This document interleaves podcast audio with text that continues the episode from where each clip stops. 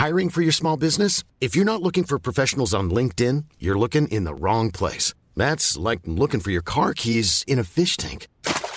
LinkedIn helps you hire professionals you can't find anywhere else, even those who aren't actively searching for a new job but might be open to the perfect role. In a given month, over 70% of LinkedIn users don't even visit other leading job sites. So start looking in the right place. With LinkedIn, you can hire professionals like a professional. Post your free job on linkedin.com slash people today.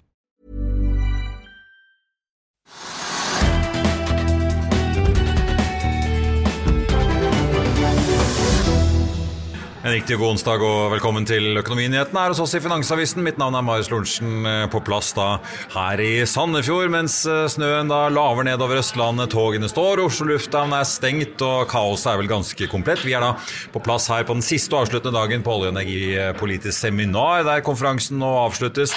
Men før alle kaster seg ut i snøkaoset for å komme seg hjemover, så skal vi snakke med letedirektøren i Aker BP og sjefen i geologiselskapet Explo Crowd for å diskutere både Aker BPs comeback da i Barentshavet av å høre om energiministeren har rett når han sier at oljenæringen da responderer på hans ønske om mer leting. Vi skal også få en politikerdebatt når vi da får med oss lederen i energi- og miljøkomiteen på Stortinget, Arbeiderpartiets Marianne Sivertsen Næss og Venstres nestleder Sveinung Rotevatn. Og vi må jo spørre dem hva de gjør da hvis ikke det kommer noen bud i denne havvindauksjonen på Sørlige Nordsjø 2 som er ventet senere i år. Men la oss titte litt på overskriftene for denne 17. januar.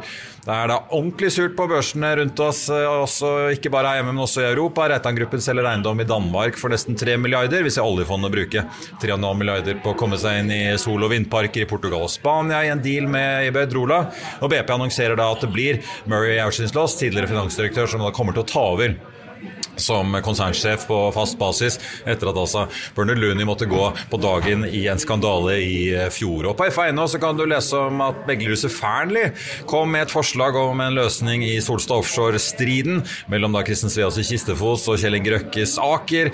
En løsning da som Kistefos i hvert fall mener ville gitt den likebehandlingen de har etterspurt. Detaljene får du også på våre nettsider. På makrofronten så kommer det både konjunkturrapport fra SSB i dag, vi har fått makrotall fra Kina, og så så vi også da den britiske inflasjonen tikke uventet oppover fra 3,9 til 4 blank.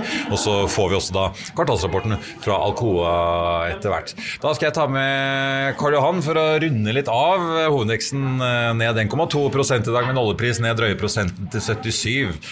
Rødt på Futures til Ball Street ser vi på børsterminalen her og rundt oss i Europa. Så det er ikke så lystig stemning der ute, holdt jeg på å si, snøføyka. Men eh, hvordan syns du temperaturen på disse olje toppene var? Det virker som mange av leverandørene hvert fall har mye å gjøre?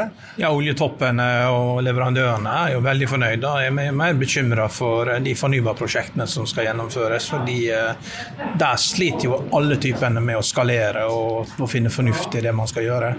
Og Da er det bare å begynne med havvind. og, og eh, vi fikk jo et nytt tall da, som ikke blir sirkulert altfor mye. Det er jo liksom alternativ kost til å, til elektrifisere. er jo at Nikolai Astrup sa vel at det koster vel to dollar kilowatten. To kroner kilowatten, ja, for, kilowatten og, og for, å bruke gassen som strøm gass. der ute på sokkelen. Ja, ja.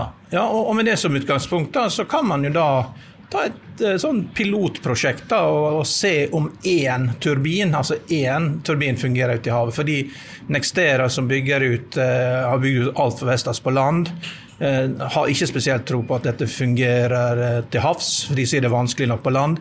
Eh, de fleste som eh, jobber på sjøen på Vestlandet, som man snakker med, har ingen tro på dette her. Og Det er jo helt vanlig at man gjør pilotprosjekter før man går i gang med store utbygginger. Man trenger jo liksom ikke bygge 100 turbiner. Ja, for vi har jo Hywind Tampen som er i drift, men det er vel 11 turbiner nå. Ja. Som er en sånn, eh, Vi kan vel kalle det en pilot. Ja. Trollvind som Equinor lanserte, de har de lagt i skuffen. Ja, ikke sant? Men, som er mye større. ja. Så hvor, hvor, lenge skal man liksom la dette få stå? Og hva er liksom Skal det stå i 20 år før at man ser at dette fungerer? Og hvordan, men det er vel på grunnere vann, er det ikke det? Og men det er klart at det, hvis det man lykkes med dette her, og vi har jo også Hvorfor gjør man det? Jo, det, LOs økonom var jo på podkast hos oss, og hvis vi lykkes med å elektrifisere sokkelen, så vil vi kunne produsere gass og levere til Europa i 200 år til. Og Det er klart, det er jo en ærlig årsak til hvorfor vi gjør dette. Da må man fortelle folket det. og Det er ikke fordi at vi skal ha så mye elektrisitet i Norge, men det er rett og slett fordi vi skal fortsette å levere gass til Europa. Ja. Og, og, og, til folket. Som en del av politikerne snakket om ganske ja. ærlig her oppe i sted. Ja. Men, det, men det, det, er for stort tema å ta det. Men de fleste andre, det er også hydrogen også sliter med å skalere opp. Eh, ja, Vi hørte jo her Amrita ja. Sen i Energy Aspect sa at det er 15 ja. av eh, disse kontraktene snakkes opp på hydrogen, altså utslippsfritt hydrogen blått eller grønt. Ja. Det er faktiske forpliktelser, så det er veldig mye intensjoner og, ja. og, og lite håndfast om dagen. Og nå begynner man også å rette de samme spørsmålene til carbon capture, hvor da den mest leste financial uh, substacken i USA, Doomberg, sier at også carbon capture kommer til å ha problemer med å skalere opp. Og dette er jo i Texas, det er jo der de fleste prosjektene er.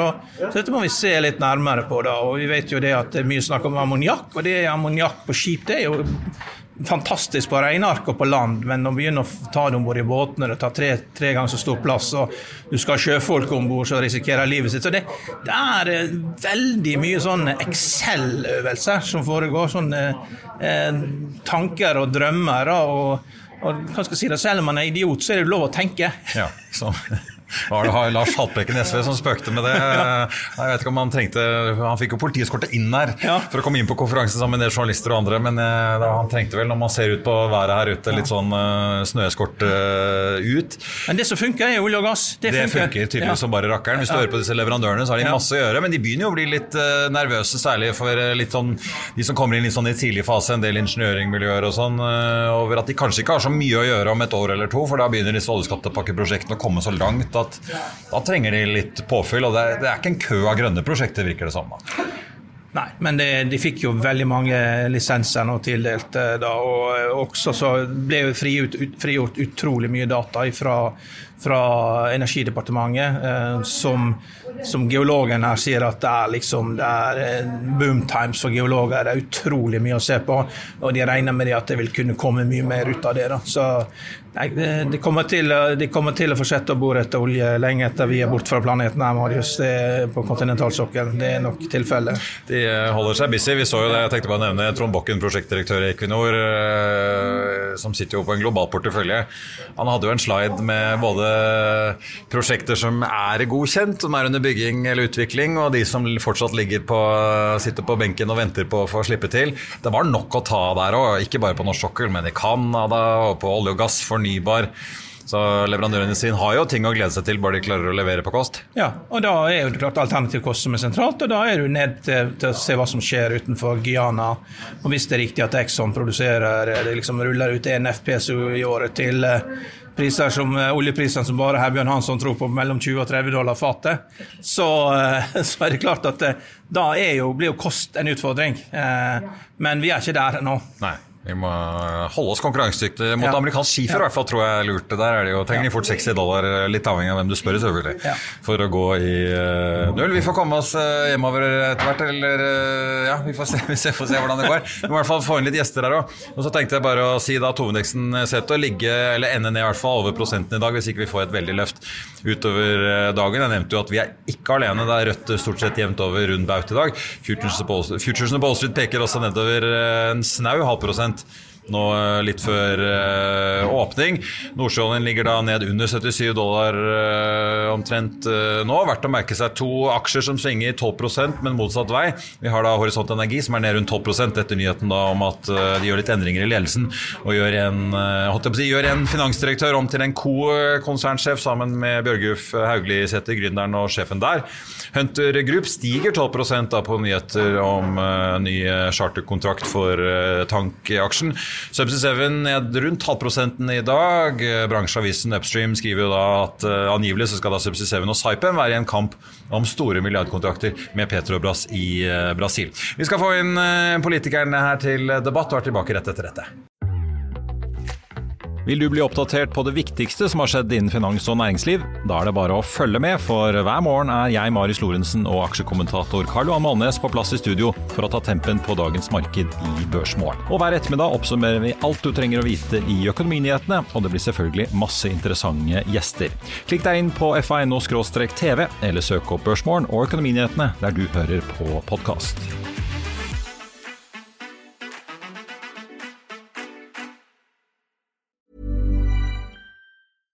I'm Sandra, and I'm just the professional your small business was looking for. But you didn't hire me because you didn't use LinkedIn jobs. LinkedIn has professionals you can't find anywhere else, including those who aren't actively looking for a new job but might be open to the perfect role, like me.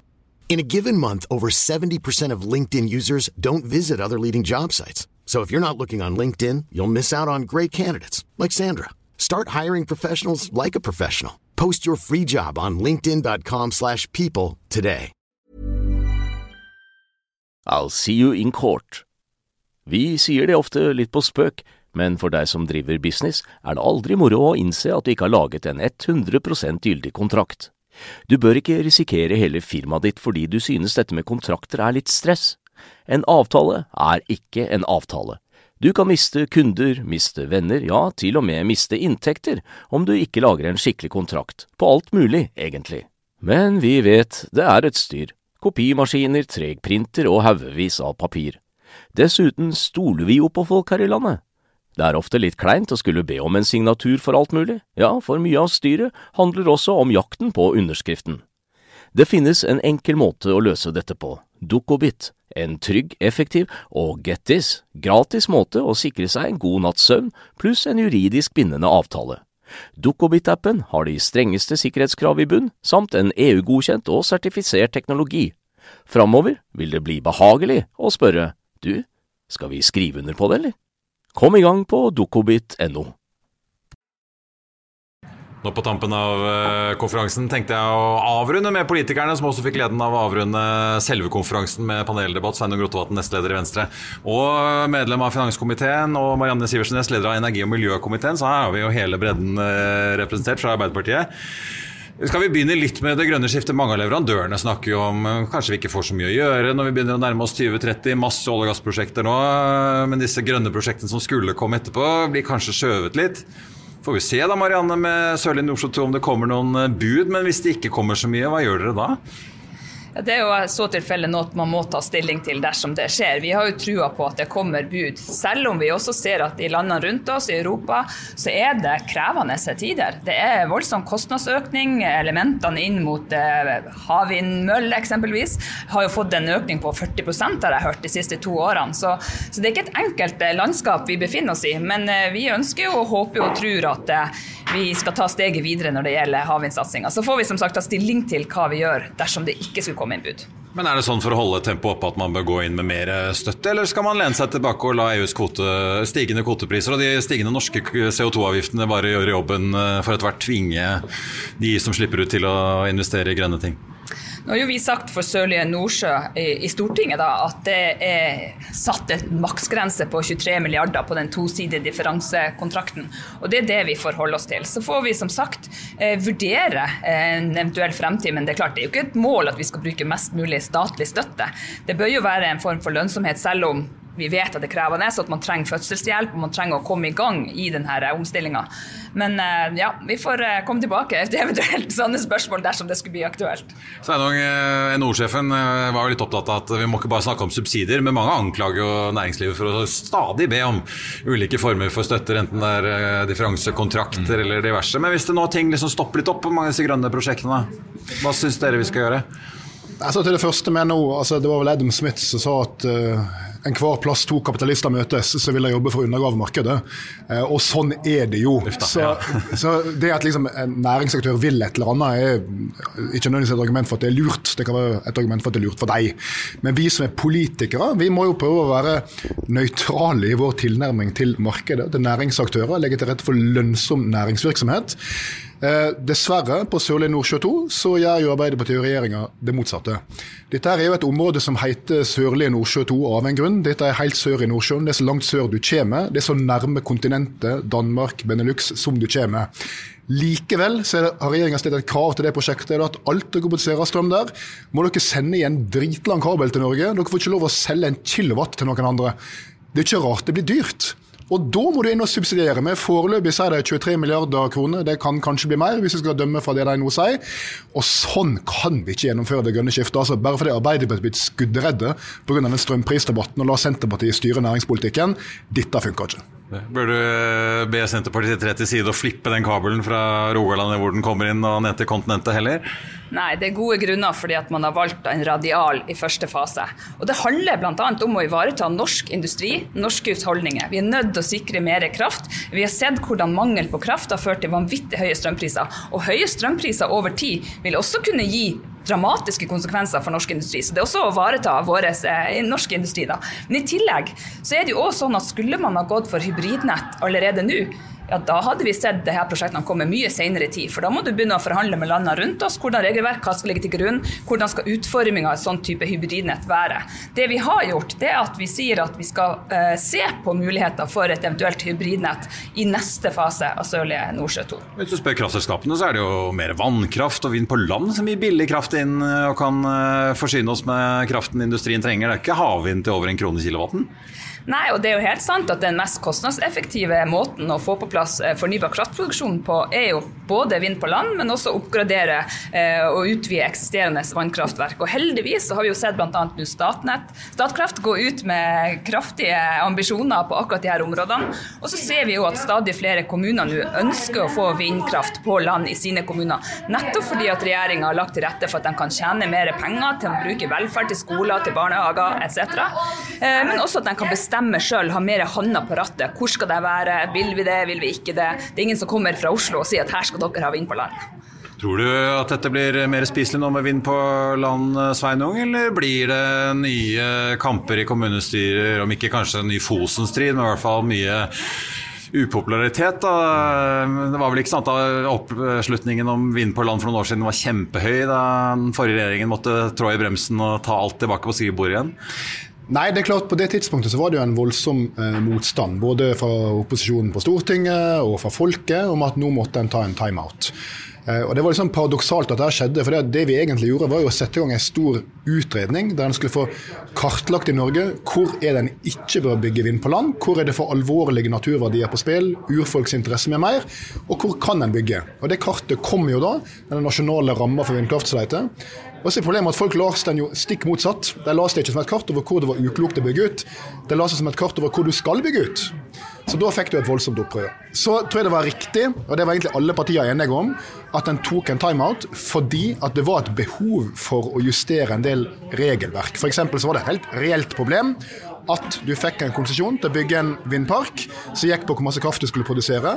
Og så viste det seg, når en henta den konsesjonen opp av skuffa fem år senere, at plutselig så var vindmøllene dobbelt så høye som det kommunestyret trodde de skulle bli. Jeg skjønner at det betyr noe. Så det var en nødvendig opprydding vi gjorde. Det som er unødvendig, var det som deretter skjedde. For det som deretter skjedde, det var at de fikk et regjeringsskifte, og Arbeiderpartiet og Senterpartiet innførte et høgprisbidrag på strøm.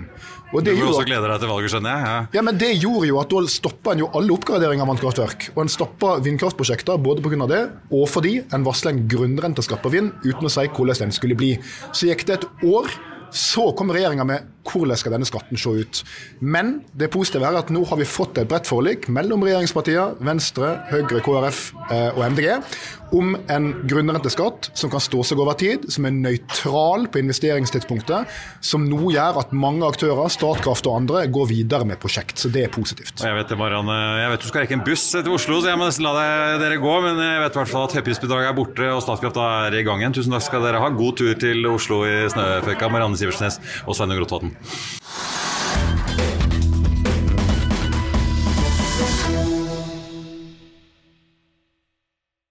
Vi har hørt uh, fra en ganske entusiastisk uh, nå energiminister Terje Aasland her på konferansen, som var ganske fornøyd med de lisensene han delte ut og interessen på norsk sokkel. Nå skal vi snakke med folk som virkelig kan uh, leting og høre om det er så mye trøkk som det kanskje kan se ut som. Med meg nå så har jeg Olav Antonio Blach, letedirektør i Aker BP, og også Sissel Linsø, sjef og gründer i Explocrowd. Velkommen. Takk skal du ha. Sissel, skal vi begynne med det? 62 lisenser versus 47 i fjor. Eh, før vi snakker om Aker BPs portefølje, sånn samlet sett, eh, hvordan ser det ut for en geolog som deg? Så vi skal inn på og Det er stor forskjell, som jeg ser det. Eh, og en av grunnene er at mye av det som ble tildelt siste år, det var tilleggslisenser. Men mye av det som blir tildelt i år, det er mye areal. Og det er, øh, som jeg ser det, så har oljeselskapene svaret på det som øh, forskellige myndigheter har ønsket og gitt et sterkt ønske om, at man søkte efter gass. Vi har jo en krevende energisituasjon i Europa. Statsråden sa i hvert fall selv at han følte han hadde appellert til næringen i fjor, og følte de har respondert. Så de har respondert, da. Det er absolut min oppfattelse på det i forbindelse med Vestlig Barentshav, hvor øh, vi ser en strategisk allianse, som jeg mener var absolut nødvendig øh, for å, få det her til. Men faktisk også i Norwegian Sea, hvor man ser at enkelte selskaper har posisjonert seg øh, i lisenser som er, kunne være åpenlys gass. Og det er interessant å se. Olav, jeg må titte litt ned på jukselappen min her, for det er jo en del tall å holde styr på. Dere fikk altså 27 lisenser uh, utdelt i går. Operatør på 17. Dere har ikke fått like mange lisenser som Equinor på 39, men litt flere operatørskap. Så du hadde jo litt gøy med lettedirektøren for norsk sokkel i Equinor her i panelet i går. Er du fornøyd? Uh, veldig fornøyd. Uh, og det viser liksom at Uh, Norge virkelig satser på eh, og gir tilrettelegge for videre vekst i, i, i næringen vår. At vi skal ha kontinuitet, vi skal ha forutsigbarhet, og vi skal lete i Norge. Og det viser da tildelingen en, en klar signal at man ønsker eh, vår næring i lang tid framover. Men eh, Jeg snakket jo med Kalle Hersvik, sjefen deres i går. Er det sånn, Hvordan er livet som letersjef om dagen? Får dere større budsjetter og lov til å holde på med mer enn dere gjorde for et par, tre, fire år siden? Altså, vi, vi, kommer til å ha, som dere ser den 8. februar med Capital Markets Review, så kommer vi til å se en, en veldig aggressiv leteprogram i 2024. Det kommer til å fortsette eh, utover.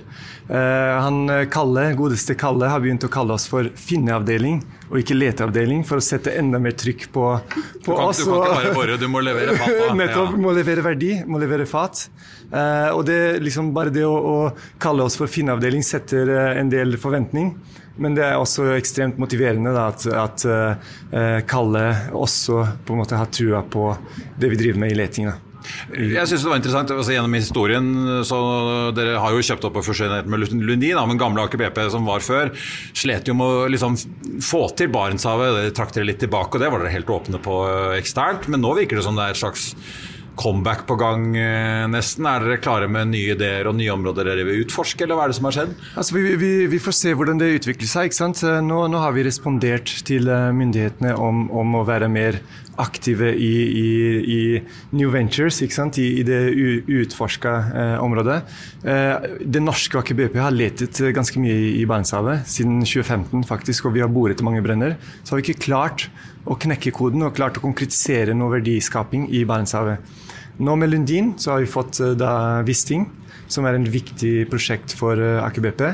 Vi skal faktisk i, i år tilbake til uh, Wisting på leting, og da er det Aker BP som opererer letebiten. Og vi skal bore uh, tre brønner uh, rundt uh, Wisting. Og så har vi, som dere så på tildeling som vi fikk i går, så er vi med på det, hva skal man kalle det, en dugnad for å, å, å finne ut ressursgrunnlaget i Barentshavet på gass. Det, kan vi få til en, en gassløsning i Barentshavet? Der er vi aktive med sammen med da Equinor og vår. Ja, for Cecilie går på letepanelet, så var det jo litt sånn ja, vi vet, vi vet ikke om vi har nok gass ennå til å forsvare et, en rørledning opp. Foreløpig går all gassen ut fra Melkøya som LNG. Hvordan ser du på det? Tror du de jobber noe genuint for å prøve å kunne forsvare en rørledning? Så først og fremst så leting og når man skal ha den, bas, den, finansielle basis, så må du faktisk vite om du, øh, om du har noe før du investerer 20 milliarder kroner. Øh, så det krever en borekampanje som forhåpentlig falder positivt ut, sånn at vi kan levere den gass til Europa som, som gir den forhåpentlig sikkerhet og stabilitet som Europa trenger så sårt nå. Um, min oppfattelse er med denne strategiske partnerskap det er at der, der er absolutt seriøsitet bak, uh, bak det her. Og, og, det gir mening. altså Der er press fra myndighetene. Nå er der action, og så blir det en OK, now we do it once and for all. Det er en dugnadsprosess. Vi må snakke litt om uh, prospektene i bakgården på, på hjemmebane. Equinor i hvert fall vet jeg, de er vel oppe i 600-700 millioner fat de har funnet et troll fram-område nå. Som ligger jo midt mellom masse eksisterende felt, men de har jo truffet og truffet og truffet hvert fall på stort sett uh, mange av brønnene. Dere har også funnet mye mer rundt Yggdrasil som dere driver og bygger ut, som kom på toppen av den kalkylen som ligger der. Si litt om hvor er det dere tror at man i kjente områder kan komme til å finne mer nå fremover? Uh, absolutt. Det er, det er, en veldig tydelig strategi fra oss. Vi skal være det beste leteselskap rundt vår Uh, infrastruktur rundt våre hub. Og Det har vi vist eh, i 2022 rundt Skarv, som, eh, som, jeg snakka litt om i går. At, at det sant, muliggjør en neste Skarv-satellittprosjekt. Nå er vi midt i, i å levere den første, og så har vi volumene til å kunne da levere neste. rundt Yggdrasil så fant vi en, en veldig fin, verdifull funn i, i 2022. Uh, nei, 2023, mener jeg, i fjor. uh, som er Østfrig beta epsilon. Og med det så øker vi ressursgrunnlaget i Yggdrasil med 10% Så det er enorm verdi uh, med eh, nærfeltsleting. Men så har vi også eh, ambisjonen i Aker BP med eh, å lete etter og prøve å finne en ny Aker BP-hub. Så vi må også tørre Etter Ryggedrasil, ja, på toppen av Alvheim og Skarv og Valhalla. Ja. Absolutt. Det er en tydelig next wave of growth-prosjekt i Aker BP som er veldig veldig tydelig. Som uh, settes uh, stor forventning til. Vet du, hvor, vet du hvor den er, eller jeg vet ikke om du, hva du kan altså, dele med oss? Men, uh, vi, vi, jeg kan dele så mye at, at vi har hvert år så har vi en eller to som er klassifisert som sånn high risk, high reward. muligheter da, som vi tester ut. Så får vi se om noen av dem går inn. Uh, enten som standalone, eller så er det clusterutbygging à la uh, Yggdrasil. Så får vi se uh, om vi lykkes med det. Men i hvert fall uh, aktiviteten og, og, og, målet er der. Så, så må vi levere det på, på fat da, over de. Sissel, jeg vet ikke hvor, om du vet hvor Aker BP ser for seg sin neste hub, men når vi ser da utviklingen Trollfarm, hvor man finner såpass mye i sin egen bakgård er det andre områder eller deler av norsk sokkel hvor du ser noen lignende tendenser til at her kan vi få store utbygginger i årene fremover? Det har jeg naturligvis ingen kommentar til. det er ganske verdifull informasjon. Um, men jeg må jo prøve, vet du. Ja, det, absolutt. Um, men faktisk en av de ting som jeg gjerne vil trekke frem, det er at selv om uh, vi snakker om at, nu, at, at det er uh, high risk, high reward, så, så er oljeselskapene fremdeles låst veldig fast i infrastructure-led exploration. Og det var det jeg synes at det var så fint at uh, olje... Uh, nei, Sokkeldirektoratet Sokkeldirektoratet, som det heter nå? Ja, direktør Torgeir Stordal. Han jo virkelig gikk på scenen og sagde okay, nu udfordrer vi. Er det sånn at øh, vi lægger til rette for, øh, for, for faktisk å teste de her frontier-områder øh, med skikkelig kreativitet i stedet for det som han kaldte 80-20, hvor 80% er infrastructure-led exploration, 20% er in the intermediate area, og så er der frontier. Og der tænker jeg der leverer det vestlige Barentshaf på, på frontier-området øh, nå. Men det er jo også andre ting som fremdeles kan testes. Og jeg antar de som er interessert kan ringe dere og sikkert kjøpe noen eh, gode råd. Sissel Lindsøy Expo Crowd og Olav Antonio Blach Aker BP, tusen takk skal dere ha.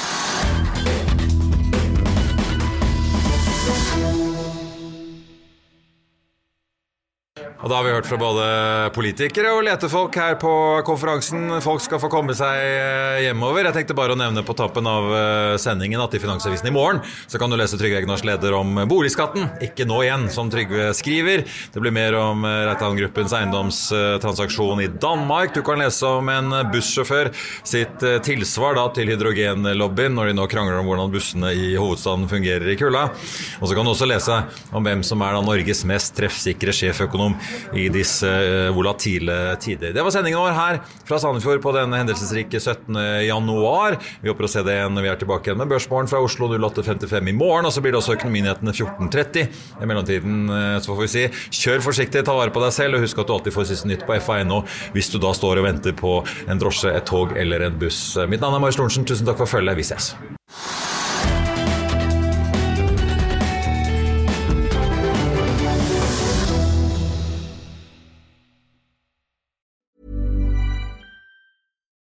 As humans, we're naturally driven by the search for better. But when it comes to hiring, the best way to search for a candidate isn't to search at all. Don't search, match with Indeed. When I was looking to hire someone, it was so slow and overwhelming. I wish I had used Indeed. If you need to hire, you need Indeed. Indeed is your matching and hiring platform with over 350 million global monthly visitors, according to Indeed data, and a matching engine that helps you find quality candidates fast. Ditch the busy work. Use Indeed for scheduling, screening, and messaging so you can connect with candidates faster. And Indeed doesn't just help you hire faster. 93% of employers agree Indeed delivers the highest quality matches compared to other job sites, according to a recent Indeed survey. And listeners of this show will get a $75 sponsored job credit to get your jobs more visibility at Indeed.com slash podcast. That's Indeed.com slash podcast. Terms and conditions apply. Økonominyhetene er en podkast fra Finansavisen. Programledere er Marius Lorentzen, Stein Ove Haugen og Benedikte Storm Bamvik. Produsenter er Lars Brenden Skram og Bashar Johar. Og ansvarlig redaktør er Trygve Hegnar.